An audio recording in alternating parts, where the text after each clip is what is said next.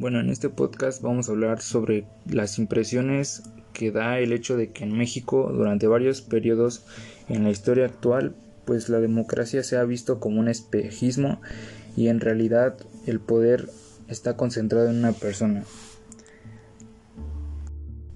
Bueno, para empezar quisiera explicar cómo se maneja nuestro sistema de, de democracia porque creo que de aquí parte todo esto.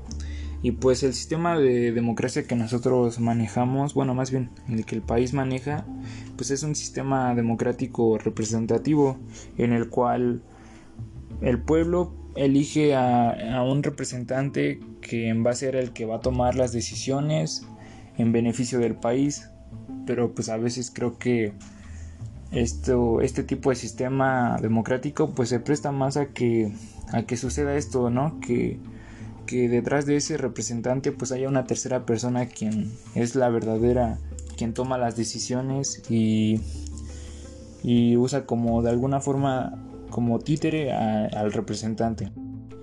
Y pues esta tercera persona al tomar esas decisiones creo que lo hace en beneficio en, de él o de un solo sector y no de del pueblo en general. Y pues esto merma los intereses de la demás gente y pues por eso se causan muchos conflictos.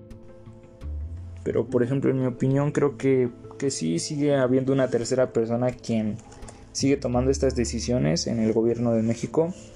Y, y, pues que el quien dice ser como estar como representante pues en realidad no toma tantas decisiones durante su mandato en cambio quisiera hacer una comparación con la democracia una verdadera democracia que era la que se, utilizaba en Grecia ya hace mucho tiempo, en la cual el pueblo era quien verdaderamente tomaba las decisiones, o sea, literalmente era de que el pueblo se ponía de acuerdo y, y ellos decidían qué hacer en beneficio del pueblo en general.